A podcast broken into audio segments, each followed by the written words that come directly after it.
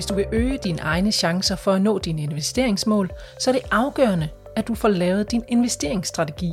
Og her er det dig selv og din egen situation, du skal kende godt. I dagens afsnit af Investeringsboblen er det netop det, vores investeringsnovise Sofie skal se på, og så taler jeg med Jesper Tind, der er investeringsspecialist i Jyske Bank. Han har masser af gode råd til Sofie og alle os andre. Jeg hedder Anne Kejser. Velkommen til Investeringsboblen. Jeg sætter mig endnu en gang ned med Sofie for at tage temperaturen på, hvor hun er i sine overvejelser om at komme i gang med at investere. Hej igen, Sofie. Hej. Nå, i sidste afsnit af investeringsboblen, der talte vi om sådan, hvem og hvad øh, man kan investere i. Er du sådan ved at have en, øh, en lille smule styr på, hvad det vil sige at investere? Ja, altså jeg har tænkt meget over det der med de forskellige sektorer og forskellen på aktier og obligationer, og det er måske slet ikke så indviklet, som jeg først troede, det var. Og så har jeg faktisk også selv været inde lidt til min egen overraskelse og kigge på nogle firmaer, som jeg synes kunne være interessante. Mm. Øh, især i forhold til det her med bæredygtighed, som jeg også nævnte øh, tidligere, og se på nogle virksomheder, som laver nogle plantebaserede kødalternativer for eksempel. Mm. Ja, det kom lidt bag på mig, at jeg egentlig havde den interesse. Ja. Men, øh, men jeg synes faktisk, det er rigtig spændende. Er det noget af det, du øh, selv tror på, der er en fremtid i? Ja, det gør jeg. Altså, ja. jeg, jeg kan jo mærke det fra, fra min egen omgangskreds, og fra det, jeg sådan, altså, hører og ser, at, at der er noget på vej der. Så mm. det, det tror jeg, der kunne være noget øh, spændende i. Ja. Jamen, så må man jo sige, at øh, missionen, den virker jo indtil videre. Øhm, I dag, der vil jeg øh, gerne fokusere på det, der hedder investeringsstrategien. Sådan, så du ikke bare uden videre sådan begynder at, at smide en masse penge efter enkelte aktier, uden at have en plan. Har du en øh, idé om, hvilken slags investor du er? Jeg er nok sådan en, øh, en rimelig forsigtig investor, vil jeg tro. Altså jeg er mm. ikke øh, den der høje risiko, det er den, der sådan hele tiden lurer lidt i baghovedet, der afskrækker mig. Så, så jeg er i hvert fald en, der, der skal have styr på risikoen. Øh, og, og det der med ikke at miste det hele, det er sådan en ret vigtig øh, faktor for mig. Den driller der stadigvæk. Det gør den, den ja. ligger lidt i baghovedet, ja. Jamen, øh, hvis så vi, vi ser på øh, din opsparing, som du går i gang med, nu har du en plan med din opsparing. Er der noget, du øh, sparer sammen til? Nej, det er egentlig, det er egentlig hvad skal man sige, midler til fremtiden, så, så horisonten for, hvornår jeg skal bruge dem, er ikke, øh, er ikke lige nu og her. Øh, og det er ikke nogen penge, som jeg sådan står og skal have ud til noget. Så det er mest bare til, til min alderdom, og til selvfølgelig, hvis der er et eller andet, jeg lige tænker, jeg skal bruge penge på. Men, men det er ikke som sådan nogle penge, jeg har planer med.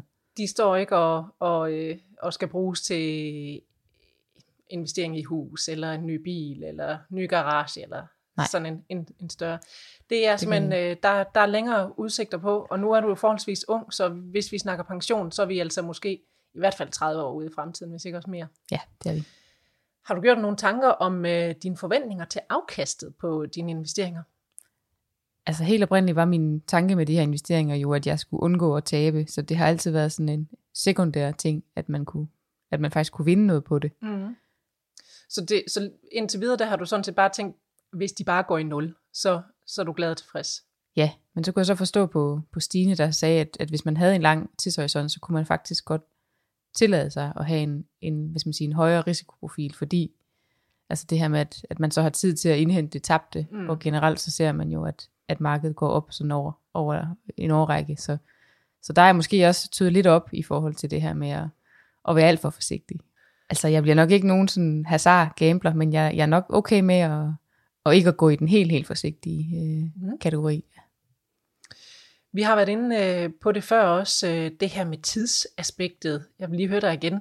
Hvor meget tid har du tænkt dig at, at bruge på at, at passe dine investeringer sådan løbende?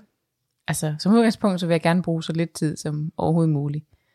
Og jeg er selvfølgelig med på, at man skal, man skal bruge lidt tid i starten på at lige at sætte det op og, og få, få styr på de der forskellige altså indgangsting, eller hvad man kan kalde det, men, men når det kører, så vil jeg egentlig helst ikke bruge noget tid på mm. det. Så helst sådan en engangs øh, kiggen på dine investeringer, og så måske lige en gang imellem, en gang om året eller noget. Ja, det kunne jeg sagtens gøre, men, men det her med sådan hele tiden at skulle holde øje og have det i, i tankerne, det, det vil jeg gerne undgå. Ja.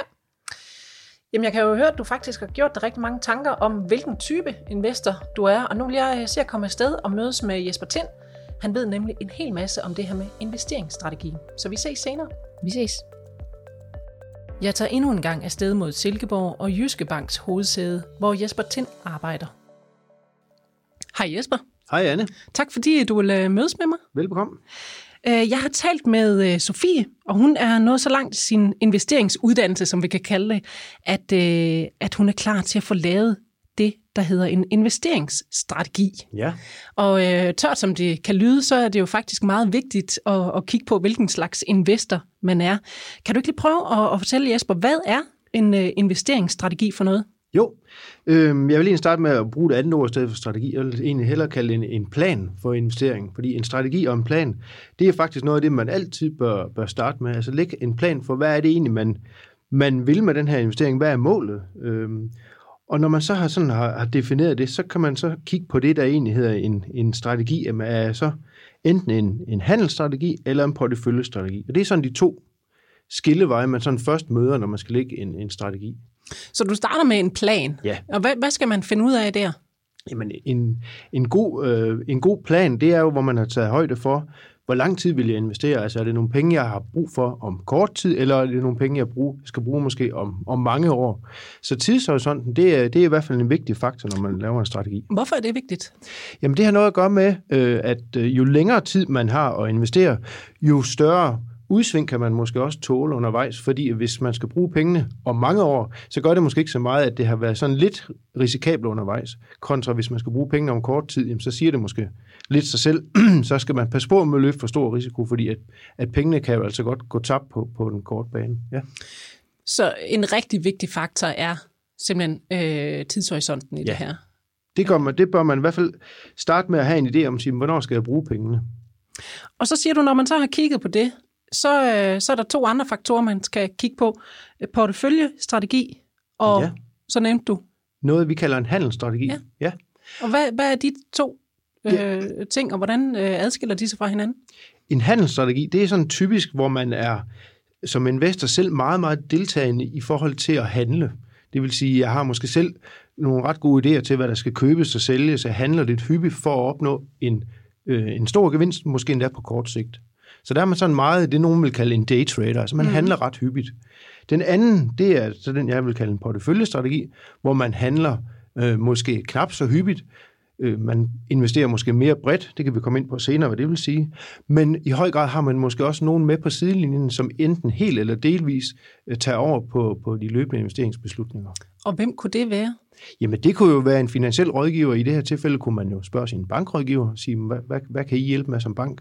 Hvis jeg måske ikke selv har enten lysten eller viden til at begynde at investere på egen hånd. Så man behøver ikke selv at stå med hele opgaven? Nej, bestemt ikke.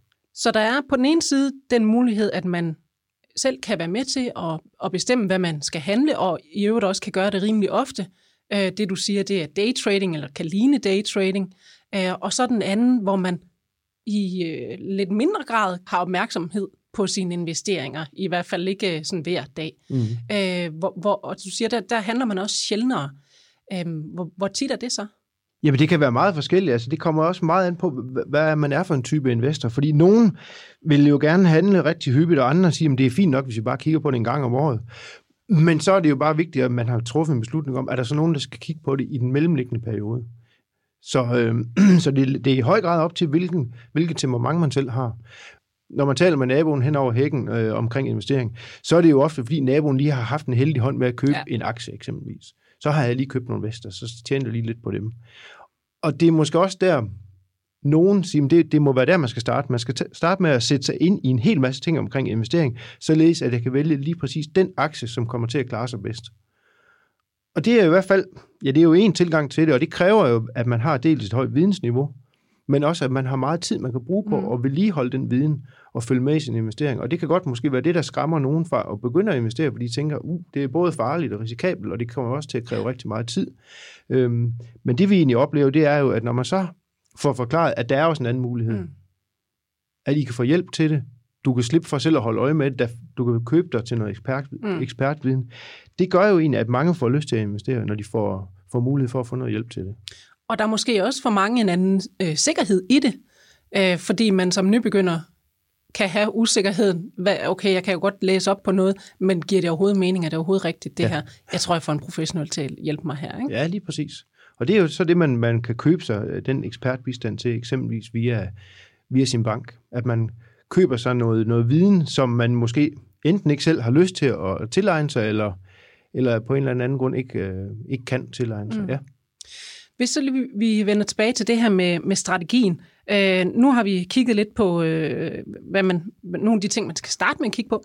Øh, men der, der er også noget andet, man skal kigge på, det her med ens forventning til afkastet. Ja. Øh, og der synes jeg jo, man burde jo tænke, at jeg vil have kæmpestort afkast. Ja. Er det ikke naturligt at tænke på den måde? jo, øh, de, de fleste de kunne jo godt tænke sig en investering, der giver et meget, meget højt afkast, uden man egentlig løber en risiko. Det er sådan en, en lykkeinvestering, ja. de fleste. Ja. Det, hvad, hvorfor skulle man ikke kunne det? Øhm, og fandtes den investering, jamen, så var det nok der, hvor, hvor alle ville placere sine penge. Og der kan man så sige, at træerne, de gror altså heller ikke ind i himlen her. Nej, desværre. Ja, desværre ikke. Så, øhm, så det er nemlig rigtigt. Altså, en god del af, af planlægning, det er at sige, hvad er det for et, øh, et afkast, jeg jagter? Og der er vi jo igen ude i at sige, er det, er det det høje afkast, jeg jagter? Så må man også acceptere, at der kommer altså en, en højere risiko med. Mm. Øh, den anden, det er selvfølgelig at sige, at jeg er egentlig ikke ude efter at få det høje afkast. Jeg vil måske bare have sådan et, et godt, stabilt, men måske lavt afkast. Og så kan man investere på den måde, med dertil hørende en lavere risiko. Mm. Så det er rigtig vigtigt at, at sige, hvad er det for et afkast, jeg jagter øh, over en eller anden given tid. Ja. Så når Sofie hun er, er bange for at, at, at tabe på det her med at investere, så kan hun, altså hun kan faktisk gøre det på den måde, hun siger, jamen jeg vil bare egentlig øh, udligne det tab, jeg vil se på mine negative renter ved at have pengene stående i banken. Altså, og, og mere behøver man vel for så vidt ikke vinde, hvis der man ikke øh, skal det. Nej, det er rigtigt. Altså, det kunne godt være, være strategien og målet. Sige, jeg vil gerne kunne slå øh, den negative rente, mm. jeg betaler for at have penge til at stå på min lønkonto. Og så skal man måske også lige have for øje, at der er noget, der hedder inflation. Det vil sige, at at der er både renten, man skal slå, og så inflationen. Mm. Og det, øh, det er egentlig nok, for at man er tilfreds med afkastet. Og det, det kunne jo sagtens være det, man vil, man vil gå efter. Ja. Så har man ligesom sin øh, ryg fri der. Ja. Øhm, men hvad, hvad, hvad kan man ellers uh, tage at kigge på, når man skal lave sin strategi. Man skal også ligesom kigge en lille smule indad og se, hvilken type man er, ikke? Jo. Det er klart, at, at mavefornemmelsen, den spiller ind, og det, det mener jeg egentlig, at, at det er jo også noget det, man skal tage og gå op med sig selv om, det er, kan jeg egentlig tåle at tabe de her penge? Både sådan faktuelt, men også måske mere mentalt. For en ting er, at man egentlig godt kunne undvære de her 100 kroner, man investerer. Der vil stadigvæk være råd til at, at købe mad til bordet og så videre. Men har man det så også godt i maven, hvis man taber de penge? Mm. Og det er typisk der, hvor vi sådan, når vi taler med vores kunder, forsøger at trykke på sådan ekstra gang. Det er den der mavefornemmelse. Hvordan vil du have det, hvis du tabte de her penge? Mm. Enten helt eller delvist. Fordi en ting er, at man godt kan tåle det rent økonomisk, men, men du skal jo også kunne sove om natten. Ja. Og det, det er simpelthen så vigtigt, at man forholder sig til den der risikofaktor, inden man begynder at investere. Det vil sige, når man nu begynder at investere, hvad er det maksimale, jeg så egentlig vil have det godt med at tabe? Og det bruger vi rigtig meget tid på, fordi det er så vigtigt at forholde sig til. Og det vil faktisk også sige, at det er vigtigt at forholde sig til, hvor stor en risiko kan jeg tåle, kontra hvor stort afkast ønsker jeg egentlig at få. Mm. Fordi at du bliver aldrig skuffet over at få et højere afkast, end du egentlig har forventet, men du kan hurtigt blive skuffet over at få et lavere afkast, end du har forventet, eller endda have et større tab, end du har forventet. Og det er selvfølgelig også vigtigt, at selvom man investerer forsigtigt, og selvom man nu som Sofie eksempelvis kun vil slå den negative rente, så er der bare aldrig nogen garanti. Og det er det værste ved investering, det er, at vi kan ikke udstede nogen garantier. Selvom man investerer så forsigtigt som overhovedet muligt, så er der altid en risiko for, at man kan tabe nogle af sine penge. Og det skal man jo være klar over. Så for nogen vil det være bedre at lade være med at investere. Hvis man er sådan meget nervøs og slet ikke kan tåle at tabe mm. noget, så skal man måske helt lade være. Men der findes mange varianter. Det er ikke enten eller, vil jeg sige. Og så ser man jo sådan noget som øh, coronavirusudbruddet øh, i mm. marts 2020, øh, hvor at jamen, alle verdens aktier, jeg tror næsten ikke, der var nogen, der, der steg alt raslet ja. ned. Ja. Øh, og det er jo en investors store mareridt. Øh, hvor, hvor, hvor gode er vi egentlig til at vide, hvordan vi vil reagere på, på sådan en, øh, en hændelse øh, på forhånd? Jamen, det er fuldstændig rigtigt. Altså, i marts måned i 2020, der oplevede vi, vi noget af det, det hurtigste fald på, på de finansielle markeder, vi har oplevet i mange, mange år. Og de kommer sådan med jævne mellemrum. Vi, vi havde jo også finanskrisen tilbage i, i 7-8 stykker, men det rigtige marts måned var i særdeleshed en, en prøve på, om man havde placeret sig selv med den rigtige risiko. Og det er jo desværre ofte sådan, at man først får, får øjnene op for, hvor meget kan man egentlig tåle, når man oplever eksempelvis et fald. Mm. Og der, der ser vi jo desværre nogle gange nogen, som har påtaget sig for stor risiko. Og når man så oplever faldet, så er det, at, at enten at man ikke sådan kan modstå tabet rent faktuelt, eller at den der mavefornemmelse, altså den psykologiske del af tabet, simpelthen bliver for voldsomt. Mm. Og, og det, der skal vi jo helst ikke nå ud med alt for mange, fordi så sker der jo det, at folk de går i panik og kapitulerer, øh, eksempelvis sig selv og det hele, og, og, og så, så er tabet jo en realitet. Og det er jo nærmest øh, noget af det, det, det farligste, man kan ja. gøre for en investering, ja. det er at begynde at sælge ud ja. i panik. Ja. Øh, men hvordan kan man så gardere sig mod den panikfølelse, man ligesom kan, kan, kan finde i sig selv. I sin, det er jo ikke, det, heldigvis sker det jo ikke særlig tit det her. Vi har været uheldige, der har været en uh, finanskrise, og så lige en coronavirus, faktisk meget tæt på hinanden. Men ellers så skal vi nærmest 100 år tilbage, ja. uh, før, før vi havde en, en krise, der ligner. Men hvordan kan man ligesom uh, forberede sig uh, bedst på, og, uh, og, altså, er det noget, man skal snakke med sin bankrådgiver om, at... Uh, stop mig lige, hvis det her det sker, eller hvad gør man? Ja, men det synes vi jo egentlig, altså når man sådan vender tilbage til det, vi egentlig startede med at snakke om en strategi, så synes jeg, man, man kunne som tommelfingerregel tage og skrive sin strategi ned, inden man begynder at investere. Fordi kommer man så i en situation, hvor man synes, nu begynder det at se sådan lige spændende nok ud midt i marts måned, hvor alting begynder at falde, så kan det være rart nok lige at tage skrivebordskuffen frem og se, hvad var det egentlig, min strategi var? Mm. Var det egentlig, at jeg havde mange år til at skulle bruge pengene, så det gør ikke noget, at jeg oplever sådan et midlertidigt fald, så skal jeg måske minde mig selv om det, og lade mm. være med at gå i panik. Mm. Men det kunne jo også være, at man egentlig havde investeret i noget, der er for risikofyldt, og så i stedet for måske at kapitulere fuldstændig, så måske bare skrue lidt ned for risikoen. Ja.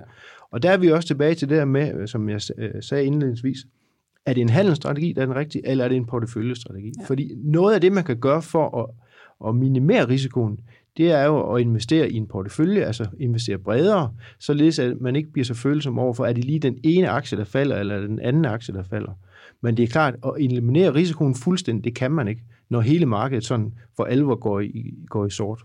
Så er det bare at, øh, at slukke for computeren øh, og ikke gå ind på, på, invest- ja, på de her investeringsportaler, ja, ja. så må man ikke kigge med. Øhm, og, så, og så vente på, at der går et år eller to, og så ser det godt ud. Det, fordi det er også det, der var med, med, med investeringer med, aktie, med aktierne. Efter marts, øh, udgangen af marts, omkring, jeg tror det var tre, den 23. Øh, i 2020, at det hele det ligesom var allerlavest. Ikke?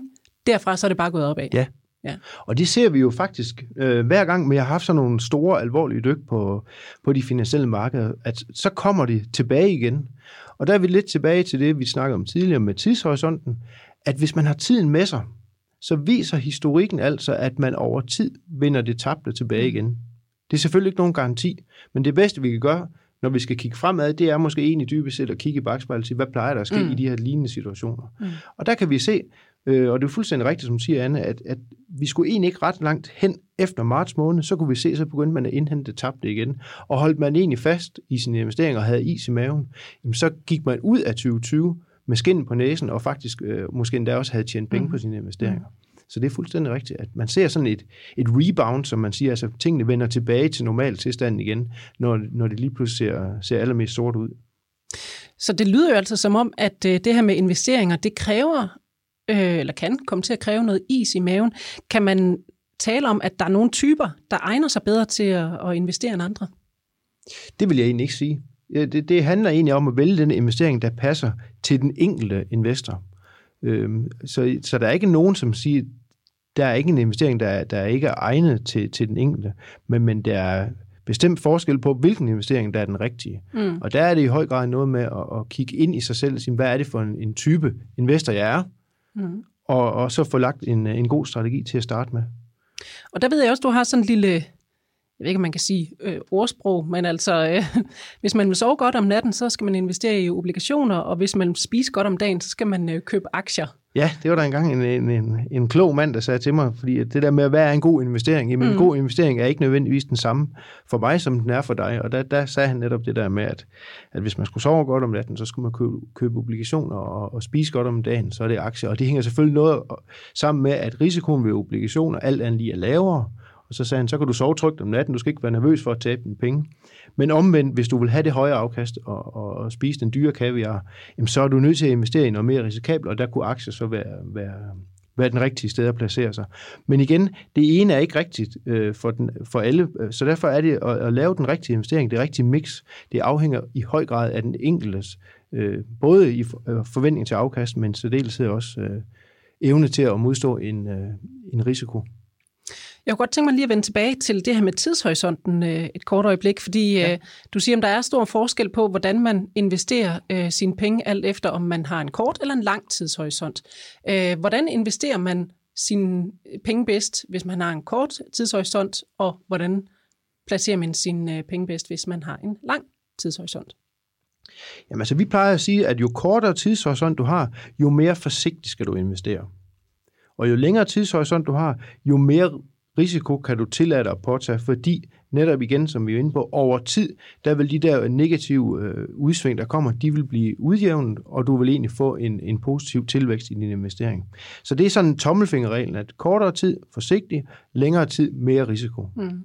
Og nogle gange kan, det, kan tidshorisonten også være så kort, at vi siger, at vi vil simpelthen anbefale at lade være med at investere, fordi du skal bruge penge om to måneder eksempelvis. Og, og i og med, at vi ikke kan garantere noget som helst, så kan vi jo heller ikke garantere, at selvom du investerer meget forsigtigt, at pengene ikke kan blive mindre værd i løbet af de her to måneder. Nej. Så det er, sådan, det er tommelfingerreglen. Og så kan der selvfølgelig være nogle personlige præferencer, der gør, at, at kunden vælger noget andet. Mm. Men, men det, er de, er, det er de guidelines, vi uh, normalvis rådgiver ud fra. Og en, også bare lige for at få, få det uh, sat på plads, det man kalder en, ja, nu kan man ikke sige sikker investering, for det er der aldrig noget af.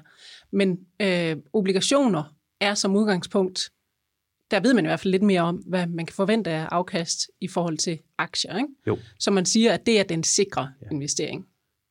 Det er ja. rigtigt, ja. Altså, det, og, det, og, og det mange kunder gør, langt de fleste af vores kunder, hvis man sådan kigger øh, ned over, hvordan har investeret kunderne i, i vores bank, jamen så har de fleste faktisk lavet en, en sammensætning af investeringen, hvor man både har nogle obligationer og nogle aktier. Og det er sådan lidt det gamle princip over, og det man taber på gyngerne, det vinder man mm. på karusellerne. Og det er jo egentlig også måske egentlig øh, opskriften på en god investering, det er, at man får spredt sin risiko på forskellige typer af investeringer, således at man ikke er afhængig af, at enten obligationerne klarer sig godt, eller at aktierne klarer sig mm. godt. Så et godt mix og det er jo øh, det, vi kalder en porteføljeinvestering. Altså man får spredt sig på forskellige typer af investeringer, og derudover også laver en yderligere spredning. Det kan være, at man siger forskellige sektorer, forskellige lande, forskellige valutaer.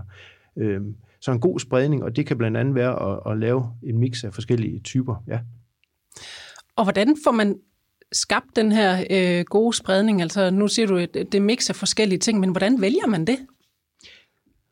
Jamen, nogen øh, de formår at, at, at gøre det selv, kan man sige. De har så stor viden om de finansielle markeder, at de, de kan godt selv vælge, om det skal være den ene aktie, eller den anden aktie, eller den ene obligation, eller, eller hvad det skal være. Så der er nogle kunder, de, de gør det selv.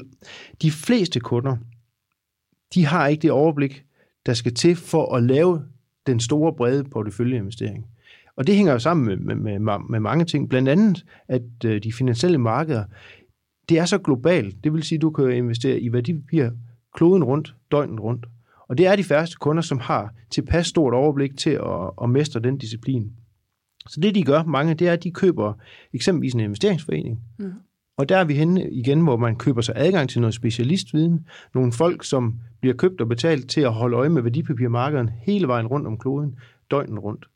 Øhm, og der kan man så opnå en spredning ved at gå sammen med nogle andre investorer. Det er jo egentlig hele tankegangen om en investeringsforening, at man går sammen med andre, som vil det samme. Det kan være, at man vil gerne vil købe øh, globale aktier. Mm. Så går man sammen med nogle andre øh, investorer, som vil det samme, og så køber man sådan en global aktieinvesteringsforening.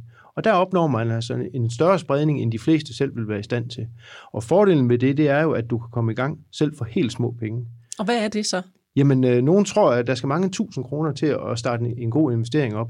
Og det er slet ikke tilfældet. Du kan faktisk komme i gang for, for få hundrede kroner. Så det, øh, det, der, der kan de fleste være med, hvis man har en intention om at begynde at investere, men man ikke har øh, særlig mange midler ja. at sætte af til det, så kan de fleste alligevel komme i gang ved for et par hundrede måske. Det kunne jo godt ske, at man sådan øh, havde sat lidt fra på, på SU'en hver måned og har mm. sparet nogle, nogle 100 øh, kroner sammen, eller nogle få tusind, og så kan man sagtens komme i gang på lige øh, fod faktisk med dem, som har mange penge. Så man behøver ikke, det der billede af en, en investor, sådan en, en halvgammel gråhåret mand, det, det billede, det, det holder ikke længere, vel? Slet ikke. Slet øhm, ikke. Det, det, det kan være helt unge, øh, både mænd og kvinder også. Alle ja. kan, kan og, komme i gang med Og heldigvis vil jeg sige, at, øh, at, at muligheden er så åben for alle, uanset ja, øh, ung, gammel, eller, eller rig eller fattig. Ja. Du, du var inde på det her med sektorer, øh, at man kan øh, lægge sine investeringer i forskellige sektorer. Hvordan finder man ud af, om hvilken sektor den aktie, man nu har fundet, den befinder sig i, eller de aktier, man har fundet. Altså om man kommer til at lægge dem i den samme sektor, eller om man faktisk har en fin spredning i, det, i de aktier, man har fundet, hvis man selv gør det. Der er heldigvis mange øh, muligheder for at blive klogere på, hvilke øh, øh, sektorer den enkelte aktie tilhører eksempelvis. Og der, en, god, øh, en god start, det er egentlig at gå på, på nettet og, og søge på en af de her mange investor sites, der er, hvor man kan gå ind og, få en hel masse informationer omkring de enkelte værdipapirer. De fleste banker tilbyder også på deres hjemmeside, at man kan gå ind og læse om, øh, om den enkelte aktie. Så der vil simpelthen fremgå, hvilken sektor det er i, øh, men også, hvordan har, har selskabet klaret sig rent afkastmæssigt, i, sådan historisk set. Man vil også mange steder kunne læse, hvad er bankens anbefaling på, på en given mm. aktie. Så man kan få lidt hjælp og, og blive lidt klogere, inden man selv begynder at, mm. at handle. Ja. Det behøver man ikke at gøre helt på, øh, på bar bund. Nej, der, bestemt ikke. Og kan man sige, der bør man måske også lige læse op på tingene. Ikke? Det kan man øhm, god ja. Men er det så afgørende, at man, man rammer alle sektorer i sine investeringer, eller kan man godt plukke noget ud, man har øh, en særlig forkærlighed for? Det kan man sagtens. Man kan jo sagtens sige, at jeg er meget interesseret i medicinalbranchen eksempelvis, og så placerer man alle sine penge der. Men det, man så skal være opmærksom på, det er jo, at jo smallere en investering, altså jo, jo færre sektorer eksempelvis man vælger at investere i, jo mere risiko påtager man så også. Mm. Fordi så er man lige pludselig meget afhængig af, at lige præcis den sektor, man har investeret sig i, klarer sig godt. Et alternativ kunne jo være at sige, at vi placerer noget i en sektor, noget i en anden. Så er vi lidt tilbage ved, ved gyngerne og karusellerne. Så er man, så er man spredt risikoen, således at hvis det går skidt det ene sted, så kunne det jo være, at det gik bedre det andet mm. sted, således at man til sammen opnår en fin balance i afkastet. Og der kan man jo også se på, hvordan arbejder de her sektorer øh, med eller mod hinanden. Fordi jeg ved også noget af det, øh, du mener er, er smart at gøre, det er at investere i sektorer, der ligesom øh, arbejder mod hinanden. Altså når det går godt det ene sted, så går det måske mindre godt det andet sted, og omvendt, øh, så det kan udligne hinanden lidt. Hvad, hvad kunne det være for nogle sektorer? Jamen det, det er rigtigt nok. Altså igen det der med, hvis man gerne vil skabe en investering med, med, med nogenlunde styr på risikoen, jamen, så er det noget med, at man siger, at i nogle øh, perioder, der kan det være godt at, at, investere i, i noget, hvor der er eksempelvis øh, i de perioder, hvor vi har høj vækst i samfundet, så bruger folk mange penge, køber nye biler, køber dyre fjernsyn osv. Og i de perioder kan det være godt at være investeret i den slags selskaber. Mm. Hvorimod i andre perioder, som måske det vi lige har været igennem i, i 2020 med finanskrig eller coronakrisen, så, så køber man måske ikke så mange dyre forbrugsgoder, fordi man er måske sådan lidt nervøs for, hvad bringer fremtiden egentlig? Har jeg stadig med gode job? Mm. Så, så er det måske ikke der, man går ud og investere i sådan noget. Men der kan man måske gå over og sige, hvad, hvad, hvad vil der altid være behov for? Og der kunne, ja, nu nævnte vi medicinal, det kunne jo altid, man siger, folk er lige syge, kan man sige, mm. måske endda mere syge nu, øh, end, end normalt under en, øh, en krise. Så så kan man måske investere noget der, og på den måde opveje den risiko, der vil være ved at være placeret i, mm. i det ene. Ja. Vi skal også lige runde et emne, som, øh, som får mere og mere opmærksomhed i øh, investeringsverdenen, og det er bæredygtighed. Det er virkelig et øh, buzzword, øh, som, øh, som man støder på alle steder, hvis man kigger en lille smule på, øh, på investeringer. Hvad er en bæredygtig aktie eller obligation? Du er fuldstændig ret. At det, det er jo sådan et, et meget hot emne, og, og det bliver det mere og mere, heldigvis kan man sige, fordi at, at det der med at investere bæredygtigt, det har jo mange øh, goder, kan man sige, udover at selvfølgelig at man kan generere forhåbentlig et godt afkast, så har det jo altså også nogle, nogle, øh, nogle gode benefits for, for hele samfundet. Og det der med at sige, hvad er en bæredygtig investering, det er sådan lidt et spørgsmål med mange svar, fordi der findes ikke nogen entydig definition på, hvornår er en aktie eller hvornår er en investering bæredygtig.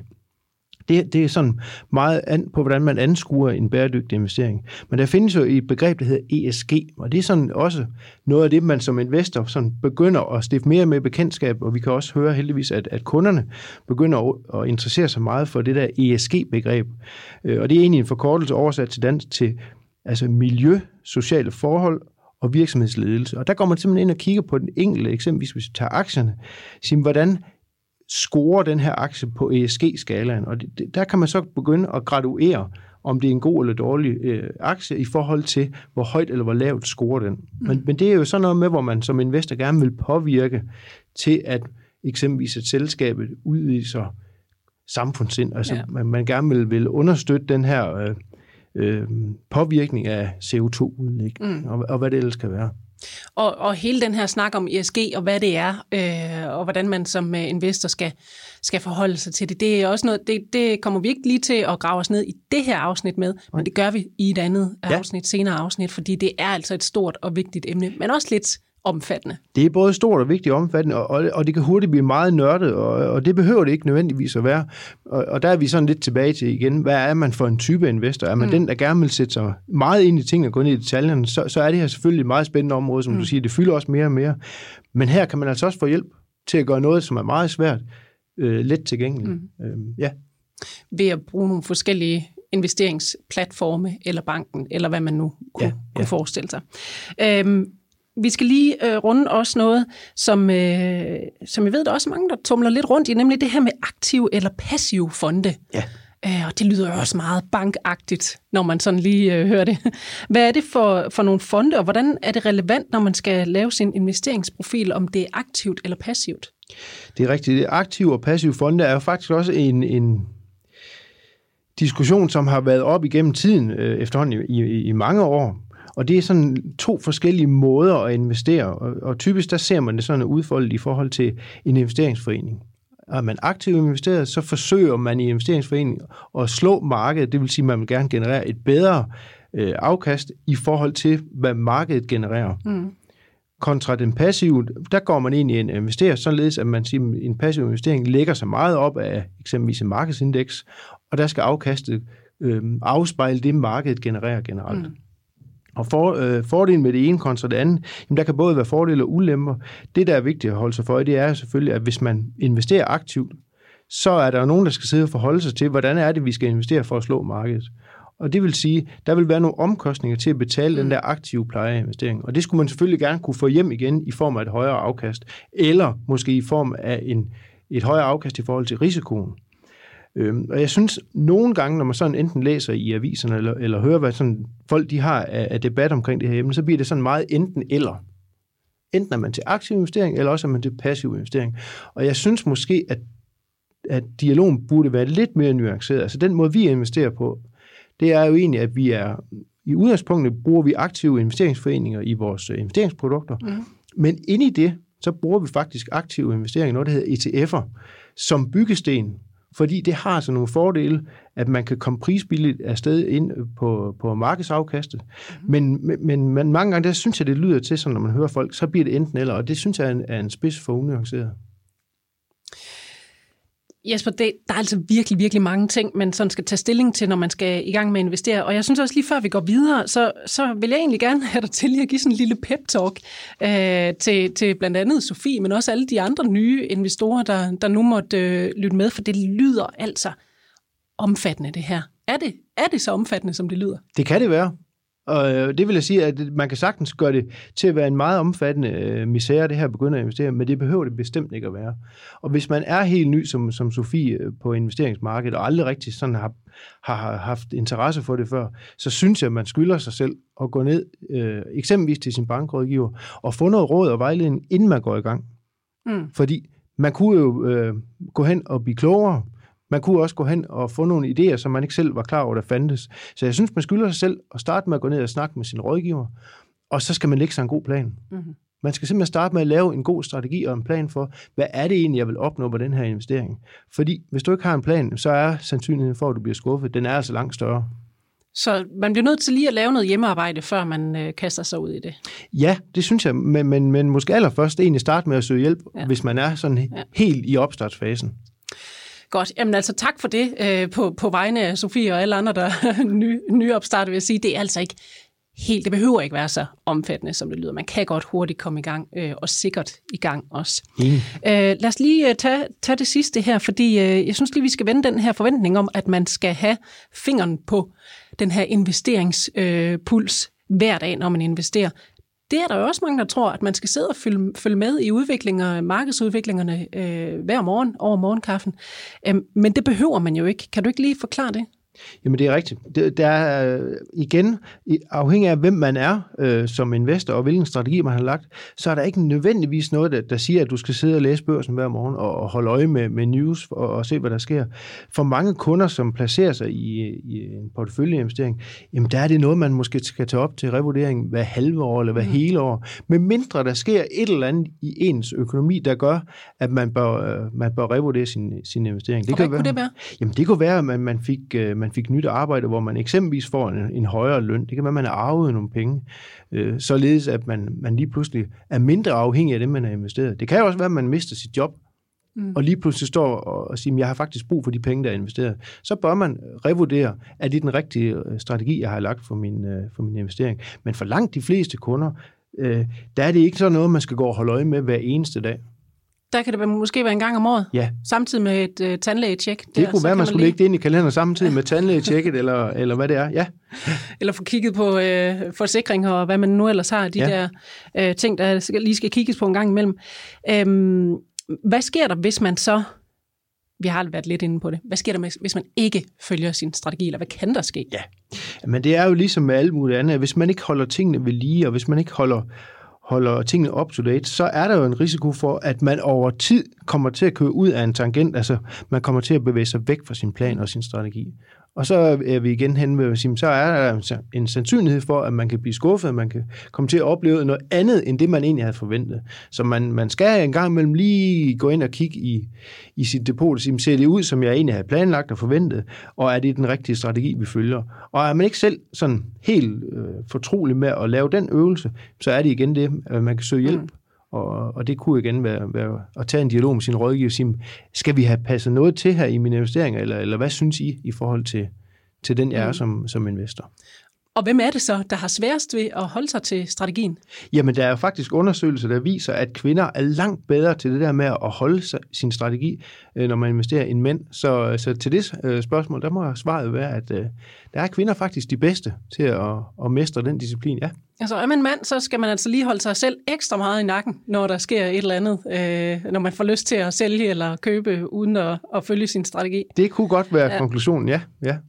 Så, så Jesper, hvor meget tid er det egentlig realistisk? Nu ved jeg, det, det er et vidt begreb, men hvor meget tid skal man egentlig bruge på det her med investering? Jamen, vi har været inde omkring det nogle gange, og jeg, jeg synes ikke, man kan svare entydigt på det, for det afhænger simpelthen så meget af, punkt et, hvem man er som investor, men, men i høj grad også, hvad har man investeret i. Mm. Så, så et entydigt svar vil, vil jeg ikke kunne give, fordi det er simpelthen så individuelt fra, fra kunde til kunde. Så det er lige før, det kan, det kan være alt fra, fra 10 minutter øh, med, med bankrådgiverne, så til at man sidder med det hver evig eneste dag ja, selv. Ja. Ja. Øhm, lige her til sidst, øh, så, så vil jeg også lige vende et, et lille emne øh, med dig, som jeg har hørt fra, fra flere øh, nye investorer, blandt andet fra Sofie, det her med, øh, at, det, at de ikke rigtig tør gå i gang, fordi de føler, at, at det, det simpelthen er at gamble med, med pengene. Det er ligesom at gå på casino. Man kan tabe det hele øh, fra det ene øjeblik til det andet. Øh, lidt ligesom øh, rouletten der. Ikke? Er det en reel frygt? Er det reelt, at man kan tabe sine penge på den måde der, ved at investere? Teoretisk set kan man jo tabe sine penge ved at investere, og, og det er også det, noget af det, vi, vi, vi bruger rigtig meget tid på at drøfte med vores kunder. Det er det der med, at der er altså en investering, eller altid en risiko ved at investere, uanset hvor forsigtigt du investerer. Men du kan gøre dig nogle, nogle overvejelser, og du kan gøre nogle, træffe nogle beslutninger, der gør, at den her risiko bliver mindre, således at det ikke nødvendigvis er enten rød eller sort, du sætter mm. dine penge på. Så ja, så risiko ved investering, det er langt øh, hen ad vejen noget, man selv vælger til eller fra. Og det er altså alt afgørende, at man har en strategi for sine investeringer, som man holder fast i, og som man følger, både om man er mand eller kvinde, og øh, både i medgang og modgang på øh, investeringsmarkederne. Jesper, jeg tager det her med tilbage øh, til Sofie, og så må vi se, om, om det giver hende nogle svar på nogle af de spørgsmål og tanker, hun har om risiko og investering. Tak fordi du vil hjælpe. Velkommen. Hej igen, Sofie. Nu har du øh, lyttet til eksperternes vise ord endnu en gang. Dengang fra Jesper Tind. Og ud fra det, du øh, hører Jesper sige, hvor tror du så, du ligger på, øh, ja, hvad kan man kalde det, risikoskalaen? Altså jeg tror egentlig fortsat, at jeg er i den forsigtige ende. Øh, men jeg kan godt se, at jeg kan tillade mig lidt mere i forhold til det her med, med både med tidsaspektet, men også det, han nævner med spredning. Altså, at det faktisk er, er en god måde at, også at mitigere den her risiko på, mm. ved at have en, en stor spredning. Så, så jeg tror godt, jeg tør at, at begive mig lidt ud i det. Uh, men jeg er ikke stadigvæk ikke i den der høje risiko. Det er jeg ikke. Men øh, er du så ikke bare ved at være klar til at investere? Jo, det synes jeg. Og hvordan vil du så komme i gang med det? Ja, det er et godt spørgsmål. Det er faktisk ikke lige klar over, hvor, hvor, øh, hvor jeg nu går hen øh, som det næste. Nej, nu skal du ned i aktiebutikken jo og, ja. og handle dine aktier, men hvor er det lige, man gør det? Det er jo selvfølgelig det, som, øh, som jeg synes, vi skal bruge det næste afsnit på at kigge på. Der ser vi altså på, hvordan vi helt praktisk går, går til det her med investeringerne. Så øh, jeg synes, vi skal ses igen i øh, næste afsnit, og så lærer du meget mere om det. Det lyder godt. Du har lyttet til Jyske Bank podcasten Investeringsboblen. Programmet er tilrettelagt og produceret af mig, Anne Kejser, og jeg vil gerne sige tak til de medvirkende i podcasten. Du kan lytte til de andre episoder i serien der, hvor du finder dine podcasts, eller på Jyske Banks hjemmeside. Og så kan du se mere om at komme i gang med at investere på jyskebank.dk-investering. Og hvis du har spørgsmål eller kommentarer til podcastserien, kan du kontakte redaktionen på redaktionen snablag jyskebank.dk. Tak fordi du lyttede med.